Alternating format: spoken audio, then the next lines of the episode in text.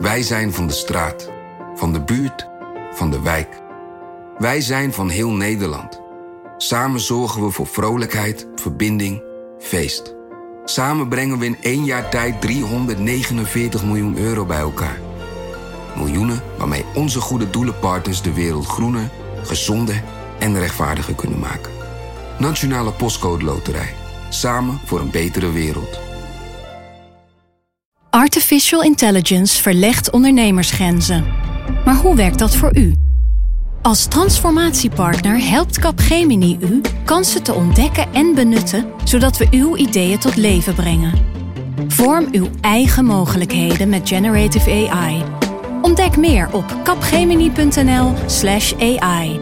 Capgemini. Get the future you want.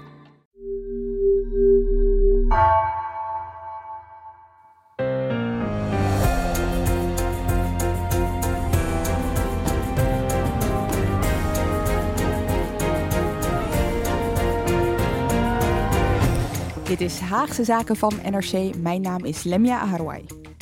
Het is eh, woensdag 17 maart, de verkiezingsdag. In Haagse Zaken telt af hebben we eigenlijk afgeteld naar dit moment. Of eigenlijk tot de uitslag van de Tweede Kamerverkiezingen 2021. En over een paar uur rollen die cijfers één voor één binnen. Het was een uh, andere campagne dan normaal. En in deze aflevering hoor je uh, over de gang van zaken op de redactie op zo'n dag. Vannacht, nadat de verkiezingsuitslag bekend is, volgt er nog een extra aflevering van Haagse Zaken. Maar voor nu aan tafel bij mij Mark Liefse Adriaanse, Guus Valk en Filip de Wit Wijnen. Welkom, alle drie. Hoi. Dankjewel. Hi. Nu nog op een verder bijna lege reactie. Ik zie Rijn verderop nog uh, zitten, redactie moet ik zeggen. Uh, jullie zijn als een van de eerste binnenkomen druppelen. Hebben jullie uh, gestemd, is mijn eerste vraag. Ja, ja. Ik, ik zoek altijd een ander stembureau uit. Waar, waar, waar heb je gestemd? Ik heb gestemd in Lantaarn Venster. Dat is een bioscoop in Rotterdam. Uh, een prachtig gebouw op de kop van Zuid. Waarvan ik ook hoop dat het heel gauw weer open gaat. Dus Naast dat is ook wel. Hotel New York. Ja, daar vlakbij. Dus dat is ook leuk om daar gewoon weer een keer te zijn in de bioscoop. Ja, je kan nu ook op plekken zijn waar je door corona natuurlijk uh, de afgelopen maanden niet kon zijn. Museum ja. van Oudheden. Serieus? Leiden, dat was open voor de, uh, voor de stembusgang. En ik kon weer de, de, de, de Tafé-tempel aanschouwen. Dus de mooiste plek waar ik ooit gestemd heb. Het is echt ja, vind schitterend. Ik ook, ja. Ik was altijd gewend een ander museum van oudheid, namelijk zo'n verpleeghuis met allemaal uh, patiënten. Maar uh, nu mocht ik stemmen in het museum. En ik mocht mijn uh, acht, net 18-jarige zoon meenemen die voor het eerst mocht stemmen. Wist hij hoe het moest? Of, ja. En we hebben instructies gegeven? Nee, dat ging allemaal vanzelf. We mochten twee keer stemmen, want in Leiden werd er nog een referendum gehouden over de aanleg van een kunstgasveld in een park. Hm. Wow. Ik, ik vind het raar, want ik heb jarenlang alleen maar brief gestemd. Dus dit is voor mij een soort nieuwe ervaring. Vanuit, um, vanuit de Verenigde Staten, Staten. vanuit het Midden-Oosten. Dus voor mij um, uh, was dit weer eens wat anders. Uh, briefstemmen voelt toch wel anders hoor. Je doet een beetje mee, maar je doet ook weer niet echt mee. Want je moet al weken van tevoren je envelop op de bus doen. En komen al die debatten moeten nog beginnen. En je hebt je keuze al bepaald. Dat is heel raar. En ben je daar nog op speciale locatie gaan stemmen? Nee hoor, gewoon in het stadskantoor oh. van, uh, van het uh, mooie plaatsje waar ik woon. Ja. Overigens wel bijzonder dat jij ons vraagt of we gestemd hebben. En we zeggen allemaal ja. Maar ik heb ook een collega hier gehad op de Haag zegt dat je die Precies. weigerde te stemmen. Want die vindt, als je hier in Den Haag de politiek volgt als journalist... dan moet je uh, uiteraard één van onbesproken gedrag zijn... maar ook uh, ultiem neutraal. Dus je kunt niet stemmen op iemand of een partij... die je hier altijd tegenkomt en moet volgen. Vond ik wat ja, ver zit ook wat, Ja, maar er zit wel wat in, vind ik. Alleen vind ik het... Ja, het, het, democratische recht dan weer net iets zwaarder wegen. Ja. Maar ik, ik, ik heb wel altijd dat, dat stemmetje in mijn hoofd. Ja. Nee, ik stem gewoon op iemand die niet in de Kamer komt. Ja, ik ook. Dus iemand waarvan ik weet die dat ik niet die tegen. hier... Wel leuk voor Johan Flemings. Enorm bon. Zou je stilhouden, Guus? Oh, sorry. De feestpartij dus, Mark. Oké, okay, goed om te weten. Um, Seymour, trouwens, helemaal onderin de lijst. Want inderdaad, het is toch wel een beetje ongemakkelijk om iemand tegen te komen die, waar je dan op hebt gestemd en die dan in de Kamer is gekomen. Enfin. We zijn niet de enige die zijn gaan stemmen, want er zijn tradities op zo'n verkiezingsdag. En een daarvan is dat er cameraploegen klaarstaan om lijsttrekkers te ontvangen die ook gaan stemmen.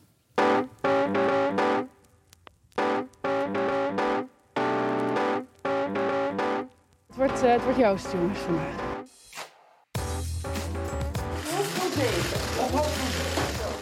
Goedemorgen.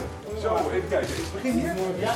Ik heb Tania Hoogweg gestemd, uh, nummer drie. Dat is onze powervrouw. Geweldig. Het is altijd een voorrecht Ik hem afgestaan. Ik heb gestemd op Renske Leijten. Ja, heel eh, bijzonder dit natuurlijk dat we vandaag uh, voor Volt op de Tweede Kamer mogen stemmen. Ja, toen bleek dus dat ik een oud paspoort bij me had waarvan die gaten in geknipt zijn, weet je wel, zodat die onbruikbaar is geworden. Ja, zoals al vaker ging er iets mis bij, uh, bij Hugo de Jonge. Hij had het verkeerde paspoort bij zich. Gaf overigens de schuld aan zijn vrouw. Hij dacht gewoon dat hij ermee wegkomt, toch? Is dat zo? Nee, ik heb echt het idee van... Je gaat naar zijn stembureau met het idee van... Nou, ze weten wel wie ik ben. Kom er wel mee weg. Nee, dat kan je toch niet zeggen? Hij had gewoon het verkeerde kan paspoort. denken. Met, uh, ja, met gaten. Okay, dan valt ja. ineens op dat er gaten. Ja. Gek verhaal. Het was hoe dan ook een beetje een ingewikkelde dag voor Hugo de Jonge. Want hij moet dus ook in quarantaine. Omdat hij van zijn, via zo'n coronamelder uh, zo'n uh, zo'n uh, berichtje heeft gekregen. Dat hij in de buurt is geweest van iemand die positief is getest. Gelukkig is er geen verkiezingsavond. Ja, ik denk dat Hugo de Jonge zich deze dag vandaag of een jaar geleden anders had voorgesteld. Ja, dat sowieso. Ja, hij zat gisteren overigens bij op 1 hè, tegenover Mark Rutte naast Femke Merel van Koten Arissen. Hoe werkt dat dan? Weet je dat, Mark? Ja, die hoeven pas in quarantaine als de jongen positief test, toch? Of ja. als de jongen klachten krijgt. Dus de jongen heeft nu gezegd dat hij zich zaterdag gaat laten testen. Dat is een dag vijf na de melding of zo, of na het contact met de persoon. Um, of als hij klachten gaat krijgen. Ja, hij heeft nog geen klachten. Maar het goede nieuws is dat de app werkt van uh, Hugo de Jonge. of dit is een reclame stunt voor de app. Philip weet altijd een positieve draaien of uh, het positieve ergens in te vinden. Uh, jongens, dit is een dag van tradities, ook hier op de redactie. Maar ik ken die tradities eigenlijk nog helemaal niet. Want dit is voor mij de eerste keer dat ik een verslag doe uh, voor NRC van de verkiezingen. Voor jou is het de tweede keer, Mark? Tweede Kamerverkiezingen, ja. Ja, ja. en Guus, jij weet al tijden hoe dit werkt. Nou ja ook, ja, maar ook weer niet. Want de laatste verkiezingen die ik hier op deze redactie heb meegemaakt... waren die van 2006. Dus dat is alweer lang geleden. Ja, best lang geleden, ja. ik weet niet of dezelfde tradities nog steeds uh, wat, opgelden. Wat was toen de traditie? Nou ja, de, de, de, ik, het enige wat ik me herinner was dat, uh, dat de mannelijke politieke redacteuren van destijds um, altijd met, uh, met stropdas aan uh, kwamen. Nou, ik zie Mark nu naast me zitten, ook ja, met ik das. wil het zeggen. Dus, dus die traditie wordt in ieder geval in ere gehouden. Um, ik heb overigens zelf, dat is wel, ik heb zelf een traditie. Mag ik oh, dat ook vertellen? Ja, tuurlijk. Ik, uh, ik draag altijd dezelfde sokken op verkiezingsdag. dat is echt waar. George Washington sokken. Doe ik al uh, sinds ik in Amerika ja. woon. Ja. Filip, wat zijn nou ja, tradities? Ik werk hier nu zeven jaar en ik heb uh, heel wat verkiezingen meegemaakt. meestal is gewoon de dag zelf een dag rust. Gewoon een dag vrij, stemmen, uh, thuis uh, een beetje bijkomen. En na alle, alle zware campagnedagen. En je opmaken, uh, in figuurlijke zin, voor de avond die komen gaat. Die duurt doorgaans vrij lang en wordt vrij laat. Dus meestal druppelen we hier na het een uur of vier binnen. Zoals nu ook vandaag. En dan hebben we... Kijk, iedereen gaat vanavond eigen, gaat, gaat zijn eigen partij volgen. Dus iedereen gaat het land in. Meestal zijn die avonden of in Amsterdam of Den Haag ook al een aantal. En voor de rest elders in het land. Um, de, mensen die in Den Haag zijn, die, uh, die verzamelen hier. We gaan even een borrel drinken, rond een uur of zes. En meestal gaan we bij De Chinees eten. Een, grote, een groot Chinees restaurant met zo'n mooie grote ronde tafel met een mannetje of veertien. Um, en dat doen we nu anders, want het restaurant is natuurlijk dicht, maar we kunnen wel afhalen. Dus ik zal zorgen om half zeven voor een grote Chinese maaltijd. En ik hoop dat iemand nog wat koude biertjes inkoopt. Ja. Om ons moed in te drinken. Pim, komt ja. Pim ook? Hartstikke goed. En dan, uh, ja, dan gaan we een beetje uh, de stemming erin krijgen. En dan rond een uur of uh, half negen gaat iedereen richting zijn partij. Gaan ja. we hele gezellige stukken schrijven naar de borrel. Daarna moeten we gaan schrijven, ja. Het worden wel heel andere stukken. En dat eten is natuurlijk ook anders dan normaal. Want we zijn met minder Guus op de redactie dan dat we normaal zouden zijn op zo'n dag. Hè? Dat is misschien ook nog even goed om uit te leggen hoe dat gaat. Nee, dat klopt. Um, uh, wij moeten ons natuurlijk ook aan de maatregelen houden. En dat betekent dat hier ook uh, een limiet is aan het aantal mensen dat hier tegelijkertijd kan zijn. Um, wat wel een beetje jammer is, want wat Philip zegt klopt wel. Het, het, is ook een moment dat je dat, dat beleef je een beetje met z'n allen. Um, verkiezingsdag is niet een dag dat je zelf uh, thuis voor de buis gaat zitten. Dat, dat, ja, daar heb je het met elkaar over de opwinding van zo'n dag. Dat, dat is leuk om dat gezamenlijk een beetje te ervaren. Um, dat is nu echt anders. Dus we hebben nu, uh, ja, we hebben nu een soort deurbeleid eigenlijk. Er mogen maximaal elf mensen in deze uh, op zich grote redactieruimte tegelijk zijn. En uh, daar moeten we ons aan houden. Mark, toen jij binnenkwam net, zei jij: Ik heb een beetje een rusteloos gevoel. Ja, ik heb dat altijd op deze dag. Dat ik, dat ik niet de concentratie heb om even op de bank een boek te gaan lezen of zo. Dus ik ben dan Sopranos gaan kijken. Nou, en dat is dan heel leuk. Maar ik, ik, ik heb niet echt de concentratie om me erbij te houden. Omdat ik steeds het idee heb van er gaat van alles gebeuren. En ik weet ook dat, dat ik nog helemaal niks kan. En het, kan geen stuk maken over de uitslag of zo. Kan een beetje over nadenken met scenario's. Maar ja, je kan niks. En toch heb je het gevoel dat er van alles gebeurt en vooral nog heel veel gaat gebeuren. Dus ik word er altijd heel rusteloos van. Ja, same. Ja, ik heb, al- ik heb altijd al een beetje FOMO, maar nu eh, heel sterk, weet je wel. Want je bent hier, je doet al weken verslag van een campagne die sowieso al anders verloopt dan normaal. En nu staat het Ja. stil. Maar Ja, wat wat- vrees je wat- te missen dan? Ja, eh, dingen zien of zo. Of dingen horen. Ik, ik sprak Ja. net een voorlichter van eh, een van de coalitiepartijen... terwijl koffie eh, haalde hier in de staatspassage in de Tweede Kamer. En die zei ook, ja, we zitten hier nu met een paar mensen. We kunnen eigenlijk niks meer. We hebben die campagnes ja, hebben we echt los moeten laten. En nu, is- nu is het afwachten. Alsof je overgeleverd bent letterlijk aan, aan, Mhm. aan de kiezer. Ja, ik, in 2017 toen liep ik hier als stagiair rond. En toen ben ik op de verkiezingsmiddag een rondje gaan lopen door de Kamer. Wat om te beginnen heel grappig was, was dat bij de PvdA... En die wisten wel dat ze zouden gaan verliezen. Dus je zag dat een aantal Kamerleden die heel laag op de lijst stonden... al wel een beetje hadden opgeruimd. maar bijvoorbeeld mensen die op 15 of 16 stonden... Ja, die waren gewoon weggegaan met het idee van... ik kom hier volgende week weer. Nou, dat liep iets anders. Maar je had dan ook voor de Tweede Kamer... tientallen buitenlandse cameraploegen... omdat die allemaal verslag kwamen doen van het eerste de eerste grote verkiezing sinds Trump en sinds, sinds de Brexit. Dus het idee was, dit is een soort van het nieuwe eh, strijdtoneel voor de, de populisten tegen de liberalen. Ehm, en die wilden allemaal dit meemaken. Dus je had dan op het Binnenhof, en je had een lange rij voor, de, voor, de, voor het stemlokaal, had je wel het idee van, er gebeurt hier iets vandaag. Naar mijn idee is dat vandaag veel minder.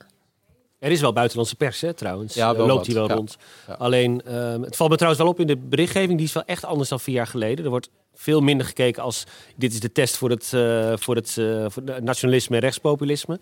Het, wat je nu overal hoort en leest is, en ziet... is de, de verbazing over...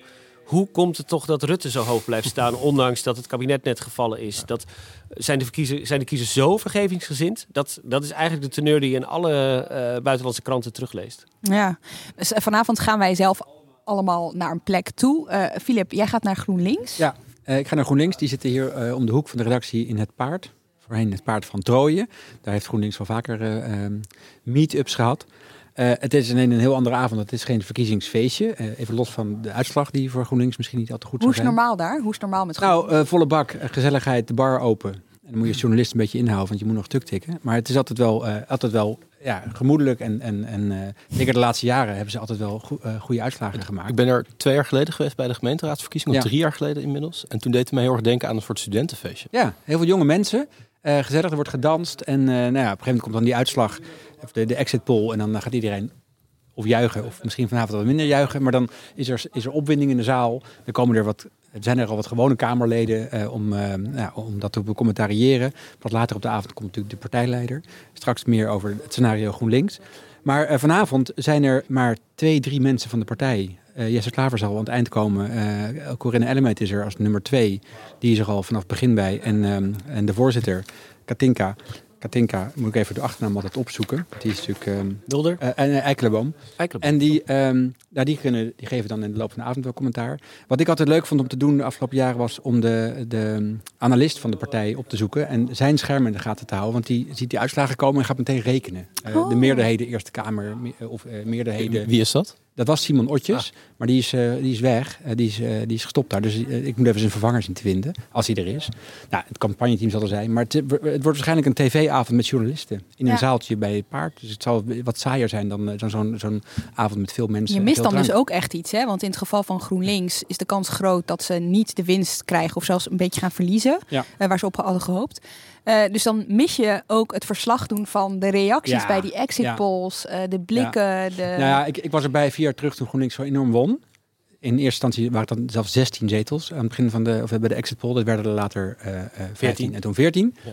Eh, en toen was iedereen aan het juichen. Maar wat het, het mooiste sentiment was, "Ah, de P van de A. Die ging, die ging naar 9. En, en, en het, het verlies van de P van de A kwam eigenlijk harder aan dan de, dan de, dan de eigen winst. Vond ik heel interessant. Ehm, en vanavond, ik verwacht echt een verlies voor de, voor de GroenLinks. En ik heb, ja, ik, ik ga het maar zeggen, ik heb een hotelkamer geboekt. Omdat ik verwacht dat eh, als het echt ver onder de 10 zakt, dat Jesse Klaver, eh, dat hij twee enveloppen in zijn binnenzak heeft. En Ja. dat hij, eh, ja, Zo even het verband met hotelkamers dat jij dan meteen natuurlijk een profiel moet gaan Ja, schrijven. dan van, blijf ik- Jesse dan- Klaver, ja. dan, blijf ik, dan blijf ik hangen om een stuk te tikken. Oké, heel duidelijk. Mark. Eh, Jij bent bij de... Niet bij de PvdA, jij bent bij D66. Ja, eventjes. Want zij hebben grotendeels een live programma. Ze hebben niet zoals de meeste andere partijen een, eh, een soort perskamer waar je kunt zitten. Dus eh, ik, ik ga een livestream bekijken hier vanaf de redactie. Hmm. En op een gegeven moment word ik dan als het goed is opgepiept dat ik eh, eh, naar het partijbureau kan komen voor een reactie van, van Kaag. Ehm, Partijbureau of fractie? Nee, het partijbureau. Dus dat is ook vlakbij. Ja. Er zijn Maar wel het- sommige partijen ook echt op de fracties, Ja, hoor. De VVD dat en de PVV bijvoorbeeld. Maar het, Ja. het, is, het is wel gek natuurlijk, want eh, D66 lijkt het op, gaat waarschijnlijk wel een goed resultaat halen. Maar je mist dan de, de volledige collectieve euforie. Ik was twee jaar geleden bij de PvdA. Die hadden, zaten in een heel klein café hier vlakbij. De Europese verkiezingen. Nou, toen om negen uur duidelijk werd dat zij de grootste werden. Het was een oorverdovend ge- gejuich en gejoel en geschreeuw en gehuil van vreugde. En dat maakt het voor zo'n stuk... Bedoel, eh, wij moeten straks allemaal een stuk gaan tikken. Ja. En dat soort elementen maakt zo'n stuk ook levendiger dan ja, wat je wellicht op zo'n zo'n livestream ziet gebeuren, waar mensen toch wat ingetogener zullen zijn dan een, een partij eh, of een zaal vol partijleden die, die uit hun dak gaan. Of die juist, en die beelden ken je ook van GroenLinks uit 2012 met de huilende partijleden. Eh, dat mis je allemaal. Ja. Ja, Guus, jij, want wij zijn allemaal overal. Ik ben zelf overigens bij het CDA. Hè. Die, eh, die, eh, daar hebben ze een, een kamertje ingericht met een eh, tv en wat waar? koffie op het partijbureau. Haag. Ja, en dan is het afwachten totdat er letterlijk iemand komt. Zo is het omschreven. Dus of dat Wopke Hoekstra is, of dat Raymond Knops is, die campagneleider is, dat zien we vanavond wel. Jij bent hier op de redactie. Jij bent natuurlijk chef. En dan komen al die stukken binnen. Het is misschien wel leuk om uit te leggen hoe dat dan gaat. Nou ja, kijk, om negen uur komt de exit exit poll van Ipsos. Ehm, die leveren ze aan NOS en RTL, als ik het goed heb. Eh, en dan weten we globaal ongeveer welke richting het op gaat. Maar die exit polls zijn over het algemeen niet helemaal betrouwbaar. Philip noemde net eh, terecht GroenLinks. 2017 zaten ze twee zetels naast. En dit jaar, vanwege het poststemmen, vanwege eh, ja, het, het, het gedoe... heb je kans dat de marges toch nog wel wat ingewikkelder worden. Dus de extra opletten hier. Dat betekent dat we, eh, daar komt toch een corri- gecorrigeerde exit poll later, eh, tussen half tien en tien als ik het goed heb. Dat betekent dat we goed moeten eh, kijken naar, ja, kunnen we trends beschrijven zonder precieze zetelaantallen te noemen. En dat is bij die grote is dat makkelijker. Maar wat als bijvoorbeeld Splinter net wel, net niet op een zetel staat? Ja, wat doen we dan? Dus ehm, ik denk dat het ook een heleboel van dat soort knopen doorhakken wordt. Van, En op het laatste moment. Want Ja. het is goed om uit te leggen, de krant zakt om. eh, vijf voor half twaalf. En dat is later, iets later dan, eh, dan normaal. Dat is drie kwartier later bijna dan normaal. Maar ehm, eh, het werkt zo bij een krant. Die zakt niet in één keer, maar die zakt per pagina. Dus de voorpagina zakt als laatste om vijf voor half twaalf. En eh, even uitleggen, zakken betekent, eh, betekent... Vroeger zeg maar, had je een, een drukker onder de redactie... en dan ging de krant letterlijk zo naar beneden... op een soort van staalplaten, geloof ik. En dan werd de krant echt gedrukt. Dus vandaar het woord zakken. Ehm, maar de, eh, ja, het, het idee is dus wel dat die andere stukken dus eerder geschreven moeten worden. En dat is een ingewikkelde, want we hebben nog geen echte uitslag. We hebben wel een indicatie natuurlijk, dus we kunnen wel wat. Ehm, en het feit dat, dat we dus niet echt bij een soort van levendige avonden zijn met ballonnen en, eh, Ja. en chips en cola, ja, eh, of, eh, of andere dingen. eh, dat betekent dat je het meer analytisch moet opschrijven, denk ik. En ehm, op een andere manier, een andere toon moet aanslaan misschien. Geen sfeerverslag. Ja.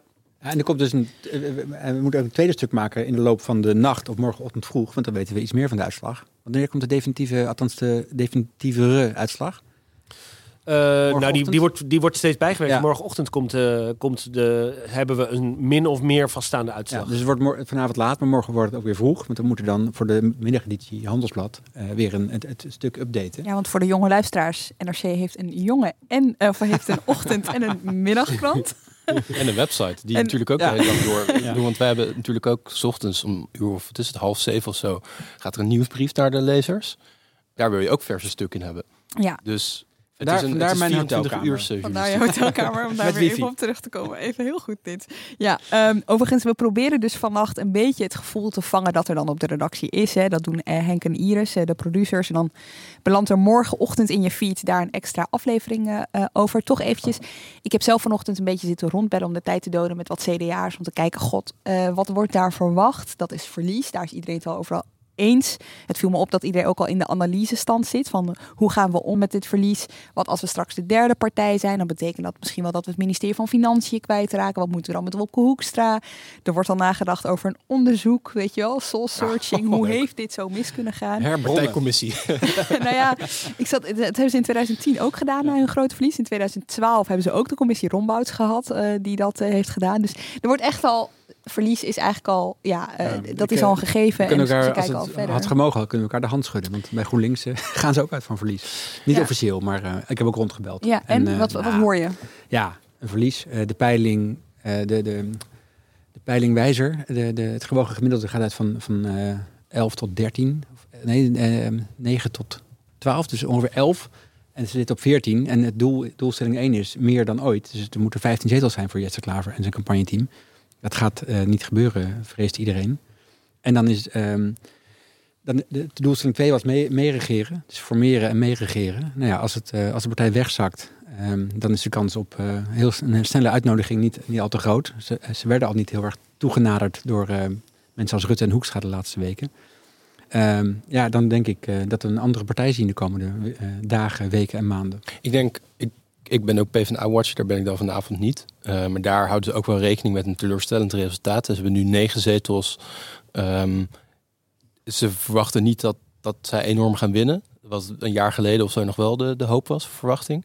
Ik denk dat we de komende dagen, als beide partijen het heel slecht doen, ook geluiden gaan horen van partijmastodonten die zeggen die fusie, het moet maar eens gaan gebeuren. Ja. We, we staan er nu allebei zo slecht voor. Als we het nu niet doen, dan, gaan, dan komen we er nooit meer bovenop. Dus dat geluid zal, denk ik, de komende dagen wellicht. Maar goed, dat is heel erg afhankelijk van de uitslag Ja, natuurlijk. ja. En vervolgens ook de komende maanden, denk ik, wel heel sterk gaan. Ja, want eh, een van de redenen dat de fusie nooit eh, doorging, ook al werd er wel eens om geroepen, is dat altijd één partij eh, het goed deed en de ander slecht. En nu zou je zeggen dat ze het allebei eh, slecht doen, allebei laag staan. Er is niet per se een Nee, sterkere. er is geen natuurlijk overwicht. Nee, Het is een ideaal moment toch? Ja, om gelijk een fusie te, te Ja. beginnen. Alleen dan, ja, en dan eh, de, de, wat wel de vraag op wie moet dan de, partij, de eerste partijleider worden. Maar goed. Eh, maar bij de PvdA zullen, want dat eh, wordt ook interessant vanavond en vannacht, het, het framen. Dus als een partij iets heeft gewonnen, eh, hè, als, als de PvdA er één bij vindt, dan hebben ze wel gewonnen. En als een partij als het CDA de peilingen verslaat, door toch één zetel, ook al hebben ze verloren, Ja, maar dan is het verhaal natuurlijk, we hebben de peilingen verslagen. Nou, als D66 19 zetels haalt of 20 zetels, dan blijven ze vrijwel stabiel. Maar dat gaan ze vieren als een enorme overwinning. Want dan zullen ze uitleggen dat ze een half jaar geleden nog rond de 10 of misschien zelfs 8 Ja. zetels stonden. Dat Kaag een enorm effect heeft gekregen. Dat Kaag de progress- grootste progressieve leider is En geworden. normaal is het 20 regeren is halveren natuurlijk bij deze Precies. Dus eh, ieder, dat ga je ook horen vanavond en vannacht. Iedere partijleider heeft zijn eigen benchmark om, te laten, om de uitslag uit te leggen. De SP zal waarschijnlijk zeggen dat het weer een nederlaag was met een gouden randje. Want hè, andere partijen hebben hun ideeën overgenomen. F- sommige partijen zullen zeggen, nou, we hebben ons in een moeilijke campagne kunnen handhaven. Eh, als ze misschien nipt verloren hebben of niet de winst hebben geboekt die ze verwacht hadden. Dus ja, dat is wel grappig ook om gewoon de komende uren naar te gaan luisteren. Want elke partij heeft een excuus eigenlijk. Of een frame. Om, nou, zeker. om- ja, om het toch een beetje positief te maken. Guus, eh, waar ga jij op letten vanavond? Vannacht? Eh, nou, er zal heel veel tegelijk binnenkomen. Dus, eh, en, eh, ik ben de, degene die de analyse ook moet schrijven. Dus dan ik moet ook een beetje mijn hoofd leeg houden. proberen dat in ieder geval. Er zijn wel twee partijen waar ik wel echt op let. Nou ja, CDA en GroenLinks. Daar ben ik echt in geïnteresseerd. Wat, wat, daar, wat daar gaat gebeuren vanavond en vannacht. Want dat worden denk ik wel de twee, ja, twee partijen waar het wel, wel echt om gaat spannen, denk ik. Eh, dus dat zijn voor mij wel de belangrijkste om op te letten. Wat interessant is overigens, is dat het Nationaal Kiezersonderzoek ook met de eerste resultaat komt. Hè? Dus dan krijgen we iets meer inzicht in waarom mensen op een bepaalde partij hebben eh, gestemd, maar ook de kiezerstromen. Hè? Dus eh, van welke partij mensen naar een andere partij zijn, zijn overgestapt. Het is eigenlijk superveel informatie. We gaan het allemaal proberen te vatten. En je krijgt de kaartjes. Ik bedoel, Wat? De, de, de kaartjes van de gemeentes. Dus langzaam zie je de kaart Ja, van Nederland dat is leuk. ja. inkleuren. En ik heb vanochtend nog zitten kijken van een aantal. Je, je ziet gewoon een aantal streken in Nederland, bijvoorbeeld Noordoost-Groningen en eh, Oost-Brabant waren in 2017 de enige plekken waar de SP het nog goed deed. Het zuiden was bijna overal VVD ook. Ehm, FVD bijna alle gemeenten ongeveer rond de 2%. Nou, de grote steden die toen natuurlijk naar GroenLinks gingen, volgens mij, waar ze heel trots op Zeker. waren. Dus die kaart, om dat te gaan vergelijken met de kleuren, 2017, daar heb ik wel enorm veel zin in. En dan over een paar weken, dan ga je echt de uitslagen krijgen van alle stembureaus. En dan kun je op buurtniveau eh, verkiezingen gaan vergelijken. Nou, Daarna je buren toch met andere ogen bekijken allemaal. Nou ja, ik, ik heb het, om een andere reden heb ik die kaart bestudeerd gisteren. Eh gisteren kregen we door waar de lijsttrekkers gingen stemmen, waar we net een Ja. fragment van hoorden. En ik wilde dus weten, gingen ze nou stemmen op een eh, stembureau vlakbij hun eigen huis, wat logisch is, of gingen ze net een blokje om? Hm. En eh Farid Artagan, die woont eh, in, eh, in Culemborg, de partijleider van Denk, en die ging naar een stembureau iets verder van zijn huis, omdat daar uh, Denk het heel goed doet in de afgelopen verkiezingen. En, en zijn bureau dichter bij zijn huis was juist in een PVV-wijk. Dus uh, die heeft voor mij echt bewust gekozen. Ik ga naar, uh, naar, mijn, eigen, naar mijn eigen clubje. Dat is letterlijk strategisch stemmen. Ja, ja. precies. Ja, okay. ja, en, en Sigrid Kaag die ging naar, naar een stembureau in Scheveningen. En uh, dat is, was PVV-land vier jaar geleden. Dus die durfde wel in het hol van de leeuw te stappen. Als je nou helemaal van kaarten houdt. We hebben op, de, op onze site hebben we een stippenkaart staan. Dat wil ik nog wel eventjes noemen. Ja, die heb ik bestudeerd. Die is echt fantastisch. Die, is dus, die laat echt op, op, op, nou ja, op straatniveau bijna zien waar, wie waar wat gestemd heeft. Het is echt geweldig. ongelooflijk om, om dat te bekijken. Iedere kiezer van 2017 is een stip op de kaart. Echt ja. uh, fantastisch om naar te kijken. Kunt, Linkje in de show notes. Ja. En aan de kleur kun je zien welke partij daar dan uh, domineert. Ja. Heel mooi. Maar het is ook... Het, het, het, Nederland was altijd toch een beetje een land waarbij je wel op zo'n kaart meerdere kleuren zag. Maar de laatste verkiezingen zag je hem steeds blauwer worden. Wat betekent dat de VVD in steeds meer gemeenten de grootste was. Ik ben heel benieuwd hoe die kaart vanavond zal zijn. Of de kaart van Nederland nog VVD-achtiger wordt. Of dat hij toch weer wat veelkleuriger wordt met misschien een aantal andere partijen die ja, uh, strongholds zeg maar, uh, opbouwen. Even een kijkwijzer voor wie nu aan het luisteren is en denkt: wat moet ik in godsnaam s'avonds allemaal kijken? Uh, sowieso natuurlijk nrc.nl, want daar houden we alles bij. maar, Jouw Twitter-feed? Jouw Twitter-feed en die van Filip en die van Guus en die van de hele Haagse redactie. Maar er zijn natuurlijk twee momenten op tv. Hè? Jinek die doet een uitslagenavond vanaf half negen. Ja, in en samenwerking dan, met RTL Nieuws. Dus die komen de hele tijd door met uitslagen. En, dan en heb Martijn je, Koning, is hij er ook? NOS vanuit de Tweede Kamer. Gevoelig puntje vanaf vijf over half negen. Dat is met geen Herman de Scherman, hè? Nee, die zit bij de sport tegenwoordig. Sport. Wie is dat tegenwoordig? Uh, Tour de France. Uh, Malou Petten, volgens mij heet zij. Petter. Petter. Oké, okay, nou, daar kan ik geen rijmpje op vinden zo snel om dan, uh, omdat Malou, nou ja, even, als je iets weet, dan moet je het maar even laten weten. Dank Goeie kijkwijze dit. Ver, verveel je niet de pletter.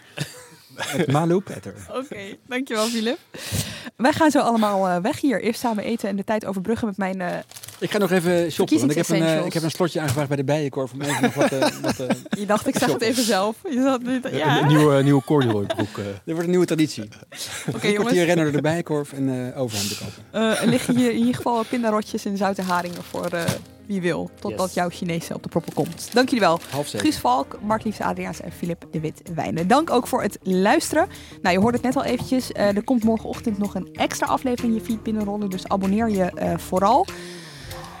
Dank ook aan Iris Verhulstonk en Henk Ruigrok van de Werven van de productie. Jullie kennen ze inmiddels. En uh, tot morgen.